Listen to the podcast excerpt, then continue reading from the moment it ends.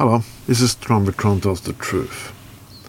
First, I would like to say thank you for my new listeners. I'm in Indonesia and Thailand and so on. Always nice to see new countries listen to this segment.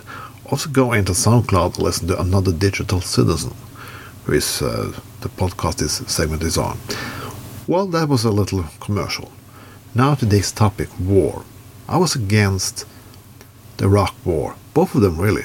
I was against the Afghanistan war because it was based on a fucking lie. Everybody knew it. I was also against the war in Libya. No, I did not like Gaddafi, but now it looked like a shit show.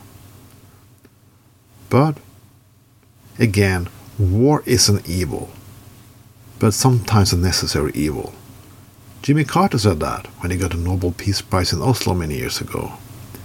There are, why I am talking about this now is because there are people on the left in the United States who are as crazy as the warmongers far to the right in the United States. They believe that Putin has a rational mind, that some of his critics, criticism against the West justify the war as you shall find understanding. That understanding will means that you give away part of another country's territory. We have to give part of Ukraine away to get peace. There was a time in history we also tried that. It was in 1939, where Chamberlain tried to give away part of Czechoslovakia to peace Hitler. That didn't go well. There became a world war. Putin can be stopped by one mean and one mean only, and that is weapons. Weapons who can be given to the Ukrainian people so they can fight against oppressors. Because eh, Putin can say what he wants, but NATO and the European Union was never a threat to him. The values in the West, like liberty, freedom of speech, well, democracy, gay rights, human rights in general, is something he fears. He wants more and more countries to be like Russia, China, North Korea, strong power men who can threaten their own people, putting them to jail with no cause at all. That's what we're standing up against. But there are some, mm, still some naive peace activists, far to the left, who think he can be reasoned.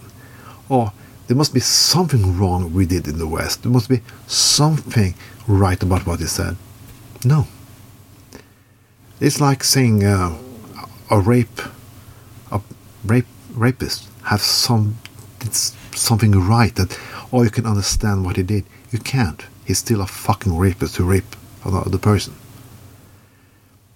Putin is evil in Europe. And if you think it's gonna stop by eating part of Ukraine, you're wrong. Because there are other East European countries that also live Russian in. Latvia, Lithuania, Georgia.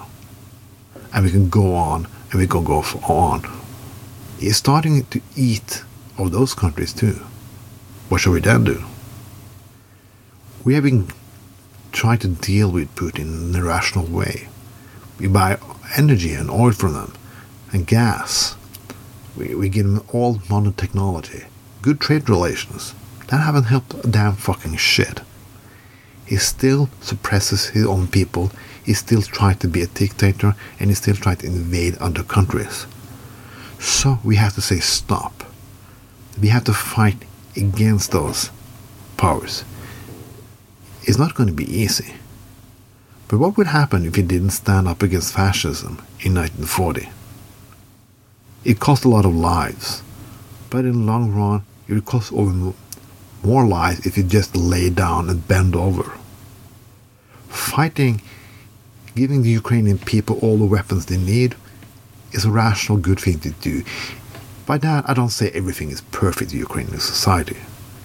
There's a lot of corruption, and the president I would never vote for in peacetime. But these are special measures. We have to stand by Ukrainian people so they, and they only, can choose the fate of their country. This was Tron, Tron tells the truth, Slava Ukraina.